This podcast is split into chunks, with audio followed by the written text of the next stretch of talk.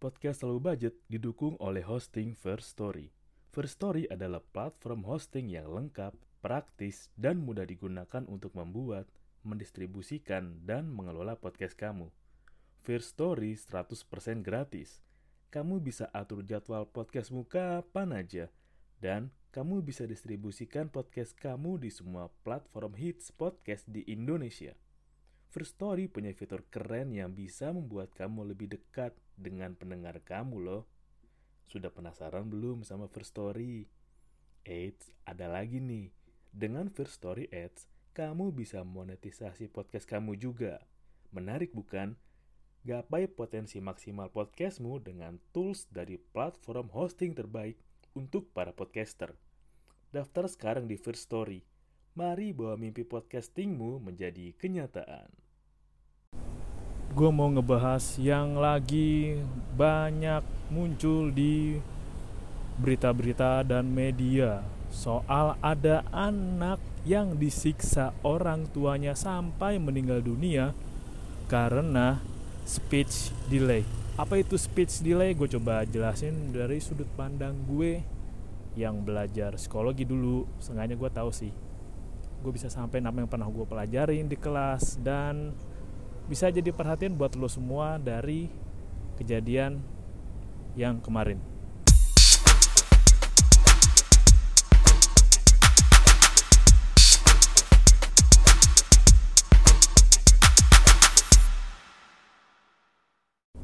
gue sebelumnya mohon maaf karena gue lagi bikin di luar tumben traffic di luar kedengeran sampai ke sini agak gaduh juga karena gue ngomong di luar di ruangan terbuka mungkin banyak noise dan gue udah siapin teks niat banget sih gue nyiapin materi tapi emang gue pingin apa yang gue siapin itu beneran data bentar oke okay. gue baca dari kompas.com orang tua berinisial AZ dan D menganiaya balita yang berinisial R hingga tewas karena kesal. Disebutkan alasan orang tua melakukan penganiayaan itu karena sang anak mengidap speech delay atau keterlambatan bicara. Diduga lantaran kesal, ZA dan D menganiaya R yang mengakibatkan korban mengalami luka bakar serta lengan kanan patah tulang. Anaknya disundut, terus tangannya dipelintir sehingga lengannya patah dan anaknya diangkat-angkat dengan posisi kepalanya di bawah. Ungkap si Swanto. Ini kayaknya kapolseknya sih.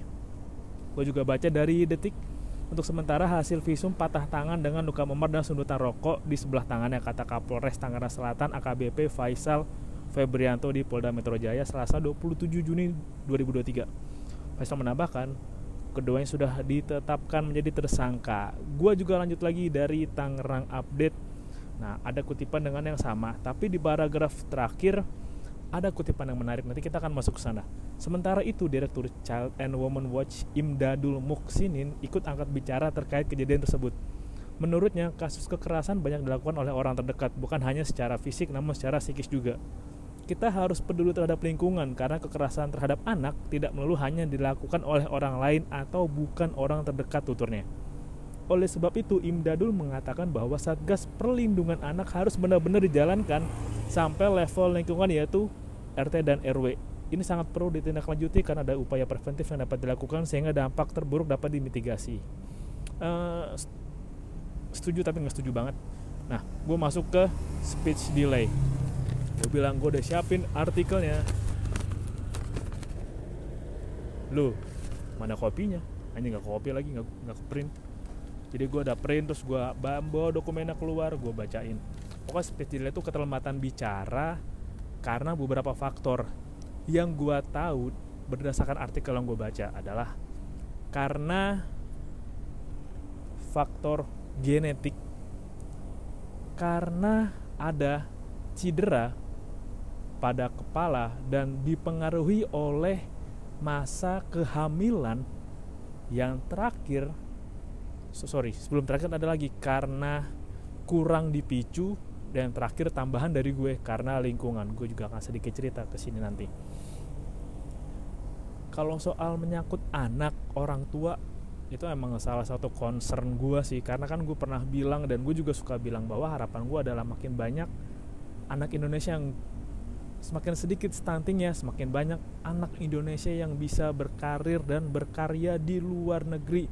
Gak cuma Agnes Mo, Rich Brian si Putri Aryani Bang Panji Pragiwaksono.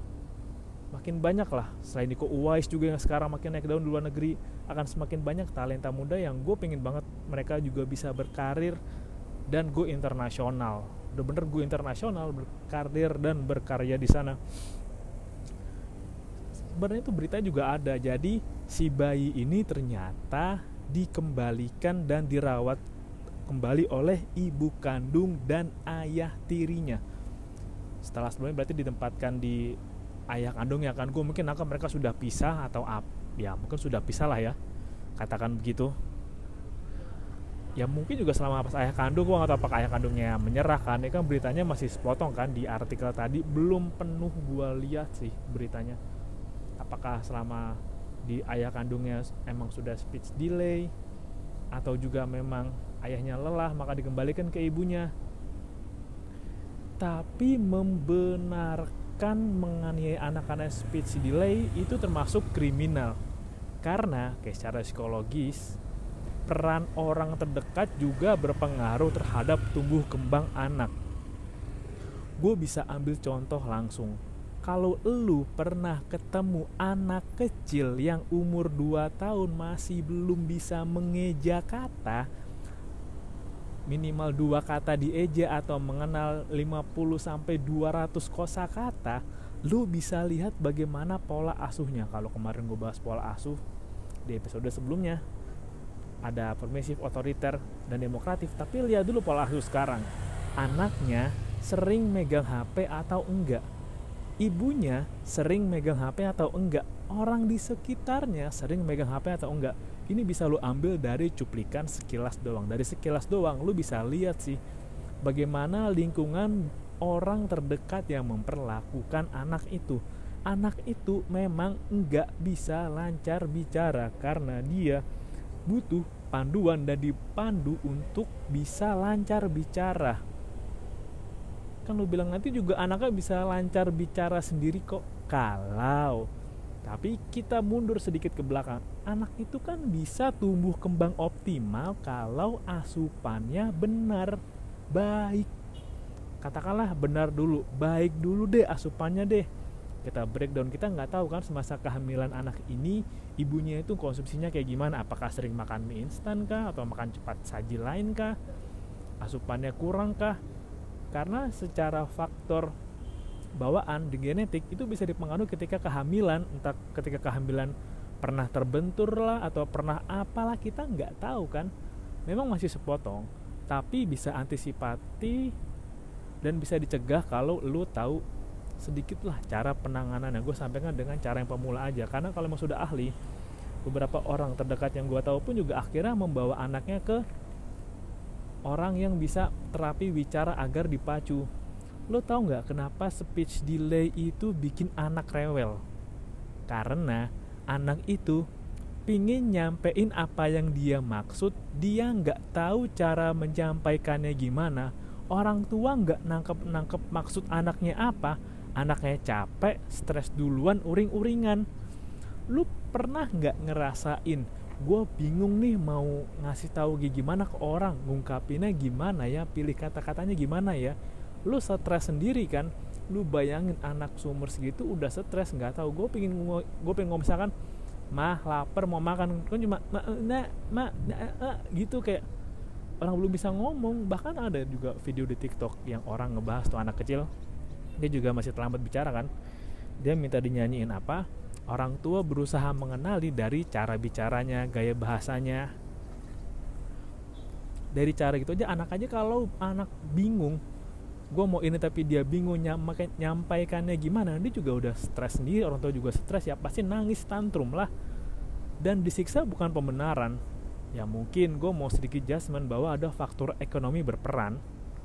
Faktor lah karena kalau memang udah tahu ada oh dan faktor kesadaran juga lingkungan juga kalau memang udah tahu nih anak gue keterlambatan bicara ya oke sebaiknya apa?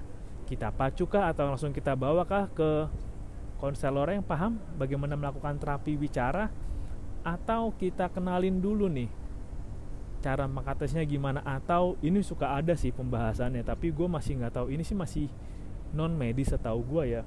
Katanya kalau anak sedikit terlambat bicara, maka yang aktif duluan adalah kognitifnya. Jadi daya analisanya berjalan duluan, tapi memang komunikasinya belakangan. Atau ada anak yang fisiknya jalan dulu nih, fisik tulangnya kuat, sudah bisa jalan duluan sebelum di usianya sekarang, tapi memang secara kata-kata emang terlambat. Saya emang subsidi silang. Yang begitu ya, gue nggak tahu sih. Emang ada pandangan kayak gitu. Kayak oh yaudahlah belum bisa ngomong nih, tapi udah bisa jalan nggak apa-apa deh. Atau ada yang oh udah bisa ngomong nih. Udah udah mulai bawel udah mulai cerewet udah mulai lucu tapi masih jalannya masih rambat ya. Mungkin gitu sih gue nggak tahu itu pembenaran atau enggak atau ada teorinya atau enggak gue belum tahu. Tapi kan bukan dibenarkan karena dibenar bukan dibenarkan lu untuk bisa berperilaku semena-mena terhadap anak yang speech delay apalagi itu anak kandung. Jadi inget beberapa kasus ada orang tua menyiksa anak karena ekonomi juga bahkan anak yang diajak bunuh diri. Ini akan sedih sih kalau mau dibahas sedih lah. Sampai disu anak tuh disundut. Disundut? Kita nggak sengaja kena bara rokok aja panas ini disundut. Lu gila anak kecil lengan kirinya patah. Patah. Nggak keseleo. Nggak apa tuh kepelintir kekilir. Patah. Lu kebayang patah nggak anak kecil? Itu kalau nggak karena benturan yang keras cedera yang keras nggak bakal patah anak kecil juga emang dia kan nggak bisa nyampein tuh disiksa juga. Anjing sih. Gua akan bahas ini sedikit ke psikologis karena ada orang yang gua tahu gua stres gua hanya bisa melampiaskan ke orang yang nggak lebih dominan ke gua. Siapa orang yang gak lebih dominan ke gua? Orang yang statusnya ada di bawah gua. Baik secara usia baik secara keadaan. Kayak ya udahlah anak lah kan aku udah di bawah gua. Statusnya secara usia secara keadaan atau hewan peliharaan juga kan statusnya di bawah gua. Secara keadaan. Gue takut jatuh aduh berat banget berat banget berat banget. Gua nggak tahu ya apakah tetangganya tuh mendengarkan apa enggak. Kalau di gua sih anak nangis kelamaan aja udah. Ngomel tuh kenapa? Tuh kenapa sih nangis mulu? Lapar ya ini ya. Tanyain. Karena ini secara fisiologis dan mungkin lo kalau yang belajar kedokteran ada deh. Kalau anak nangis terus menerus secara lama dan secara keras akan merusak otaknya sendiri. Sama kayak ketika lu nangis terlalu lama, terlalu sering dan terlalu dalam sampai-sampai tuh otak lu ya shock sendiri. Ini anak kecil nangis nggak bisa berhenti, udah nangis nggak bisa ngomong, nggak bisa ngelawan, nggak bisa ngebantah, disiksa sampai nangis kayak apa kan tuh juga. Kalau di visum gua nggak tahu deh kondisi otaknya kayak gimana, apakah masih normal atau ada cedera. Pahit banget dan kalau di penjara pun kalau tahu dia di penjara karena kasus apa konsekuensi di sekitar orang yang di penjara tuh gue yakin sangat sangat tidak enak dan ramah karena gue pernah dengar se dengar sekilas saja kalau ada yang masuk penjara karena memperkosa itu akan disiksa habis-habisan. Asli karena disiksa lah karena menyakitin anak lah. Terutama anak perempuan lah. Di penjara laki-laki aduh gila makin pahit banget. Lah ini aduh sedih banget. Sedih banget gue dengernya. Gue kesel juga sih. Kesel sama ya lu kalau emang belum siap punya anak jangan ngewe dulu bangsat. Coli aja dulu. Pakai kondom lah. Ada sebuah teknologi bernama kondom kan? Atau cerot di luar kan? Lu bisa ngecerot di luar. Kenapa? Lu nggak bisa nahan ngecerot lo di luar. Ya latihan lah goblok. Kesel gue jadinya. Karena kan pilihan anak punya anak kan tergantung lu gimana. Masa ah gak sengaja nih keluar di dalam ya? Lu ngaturnya gimana tolol? Cing kesel banget gue karena tuh anak kecil nggak bisa ngelawan bro. Nggak bisa ngebantah nggak bisa ngelawan. Mungkin kalau anak kecil kayak anak kecil Samson atau Dewa Krishna dibalikin kali itu. Gue juga nyurut anak pakai rokok. Waduh gila gila. Waduh rokok tuh Waduh kalau rokoknya rokok yang gede tuh kayak rokok Samsu atau yang filter yang tebel kan tuh. Aduh panas banget itu pasti asli panas kayak apa sih juga asupan makanan asupan anaknya itu selama gue juga nggak tahu tuh anaknya. Selama dirawat sama ibunya ini makannya gimana makannya juga berapa rutin. Katanya juga kan disiksa karena anaknya nggak nurut kan diajak makan susah. Iya bisa jadi diajak makan susah karena yang lu tawarin makan ya anak. Kalau ditawarin makan yang mecin mulu kan pusing.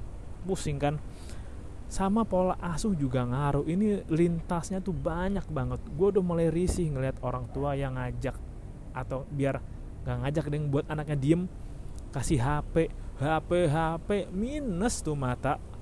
Anak kecil kacamatanya udah tebel. Kalah kali minus mata gue gila loh demi anteng loh. Untung gue waktu kecil dibiasain. Anak kecil tuh ngecontoh ngikutin contoh gue bersyukur dan beruntung sekali dari kecil orang tua gue ngajarin kalau di rumah ya udah kalau dulu belum ada HP cuma ada TV baca koran majalah baca koran majalah akhirnya keterusan sampai ke gue gue seneng baca gue anteng kalau lagi baca dan gue merasa damai kalau lagi baca di perpustakaan. Itu juga ngaruh sama pola kecilnya. Gue waktu gimana coba bayangin kalau anak kayak gitu udah sempet gede udah banyak trauma yang dialamin sakit dialamin. Bisa jadi dia akan menjadi orang yang ingin balas dendam dia ingin balas dendam orang tuanya udah nggak ada udah mati katakanlah dia punya dendam yang berat dia bingung balasinnya gimana biar rasa dendam dalam dirinya terpuaskan dia akhirnya ke mana? Ke orang banyak ke orang lain. Berentet nggak? Berentet. Dari mana? Salah asuh orang tua. Goblok kali. Yang tahunya ngentot ngewe punya anak. Kasih makan juga gede sendiri. Kasih anak tuh juga ntar tumbuh gede sendiri badannya ntar juga sekolahin aja biar sekolah ntar juga anaknya pintar deh berjuang sendiri di luar lah. Atau dari kecil sudah dia suruh lah cari sendiri dari kecil lah. Ah ngentot lah banyak banget kalau dijelasin bakal panjang. Panjang kalau dijabarin asli. Lu bisa bahas dari mana? Dari psikologis bisa dari ekonomi bisa pola asuh bisa jangka panjang anaknya juga bisa. Nah sekarang gue mau ngebahas lagi sisi lain ini mungkin akan panjang sih episodenya mungkin ya. Gue akan bahas tadi kayak bilang udah roman ya perlunya pengawasan antar RW di RW perlu pembahasan sampai ke lingkungan RT dan RW gua setuju tapi nggak setuju dengan cara pelindungan anak harus dijalankan. Karena sudah ada yang namanya posyandu.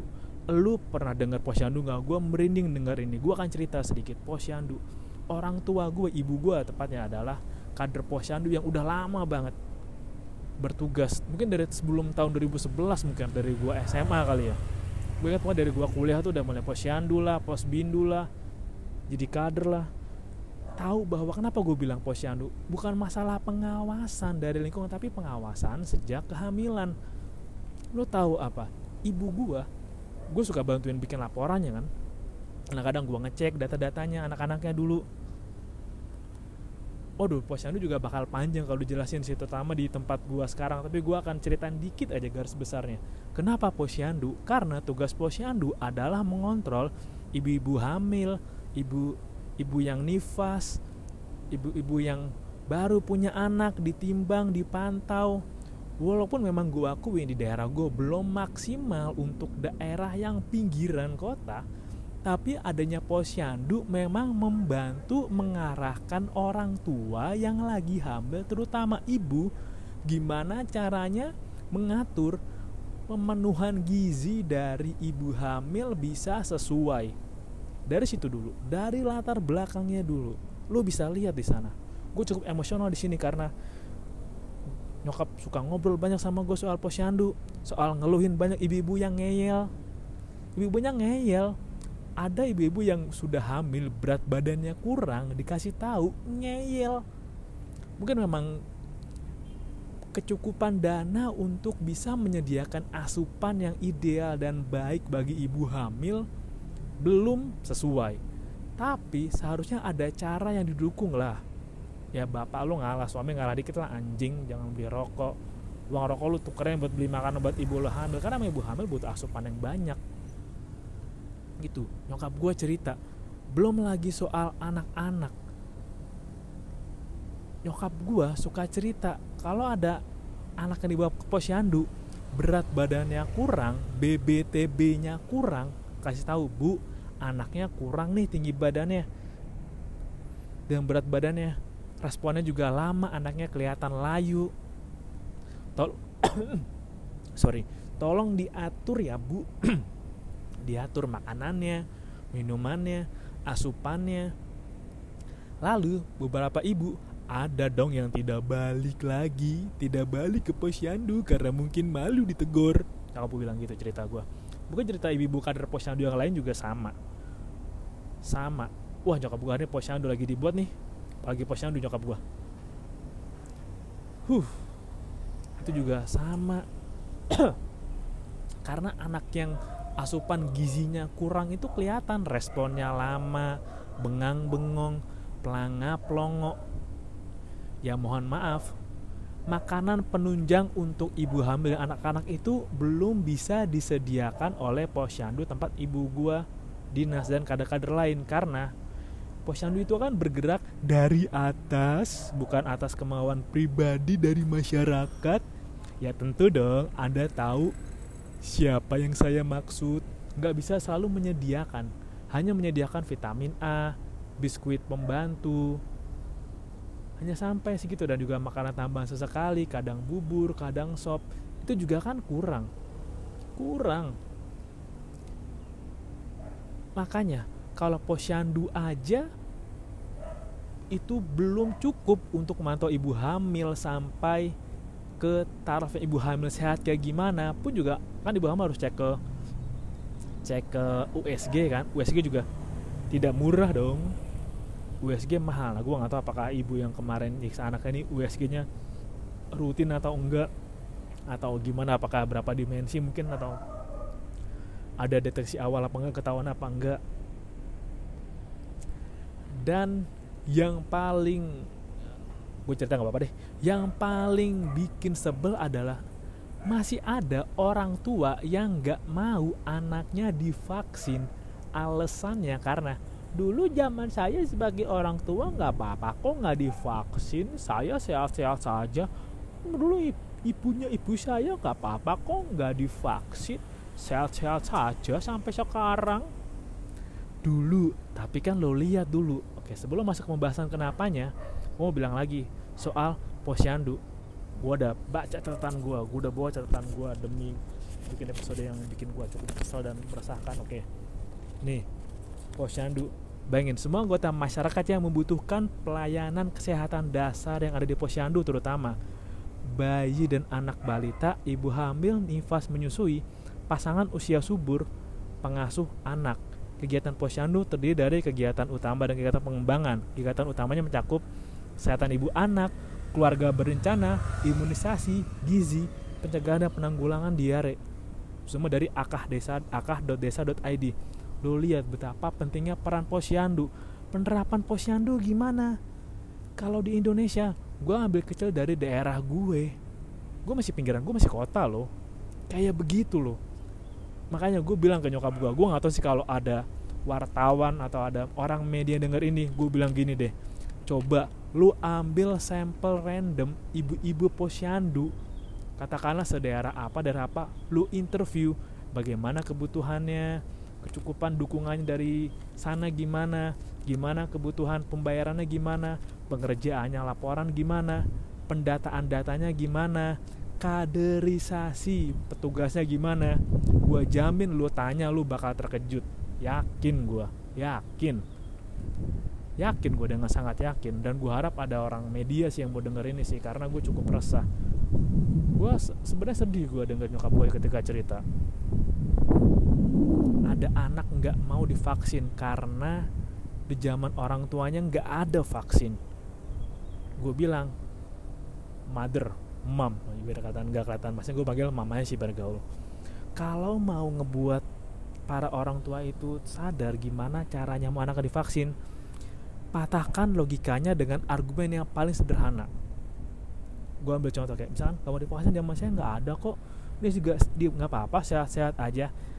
Ya bahasa zaman ibu kan enak jajanan belum ada ciki. Zaman ibu kan enak jajanan belum ada sosis instan. Zaman ibu kan enak dulu polusi kagak kenceng. Zaman ibu kan enak kalau makan ikan kagak ada merkuri dan zinc dan teman-temannya apalagi makan kerang kagak ada itu. Zinc zincan kagak banyak kayak sekarang. Itu contoh aja sih. Mungkin emang kurang nyadarin tapi kan emang bahan-bahan kimia yang ada di makanan yang sekitar yang gak usah kejauhan deh anak kecil. Nggak sengaja ngemut kan anak kecil kan pertumbuhannya oral anal laten genital kan pertumbuhan psikologisnya.